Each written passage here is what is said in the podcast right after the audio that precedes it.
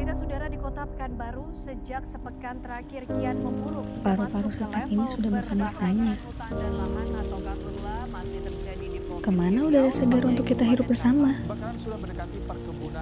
Hanya asap pekat mengepul ke atas angkasa besarnya kebakaran hutan membuat sebagai ganti dari kerakusan Para manusia. Hutan dibakar habis sampai tidak tersisa. Oleh siapa? Untuk apa? Dan. Mengapa? Dan Langit bahkan enggan menangis meskipun bumi kini sedang disakiti. Ya tidak hanya itu, saudara presiden juga Dan menduga kini kita yang dan akibatnya. dan meminta Polri Sesak. mengusut hal ini. Jangan ditanya. Tidak ispa saja sudah gembira. Marah. pengendara di jalan-jalan utama hingga Amarah ini lebih membara dari api di hutan. Kecewa.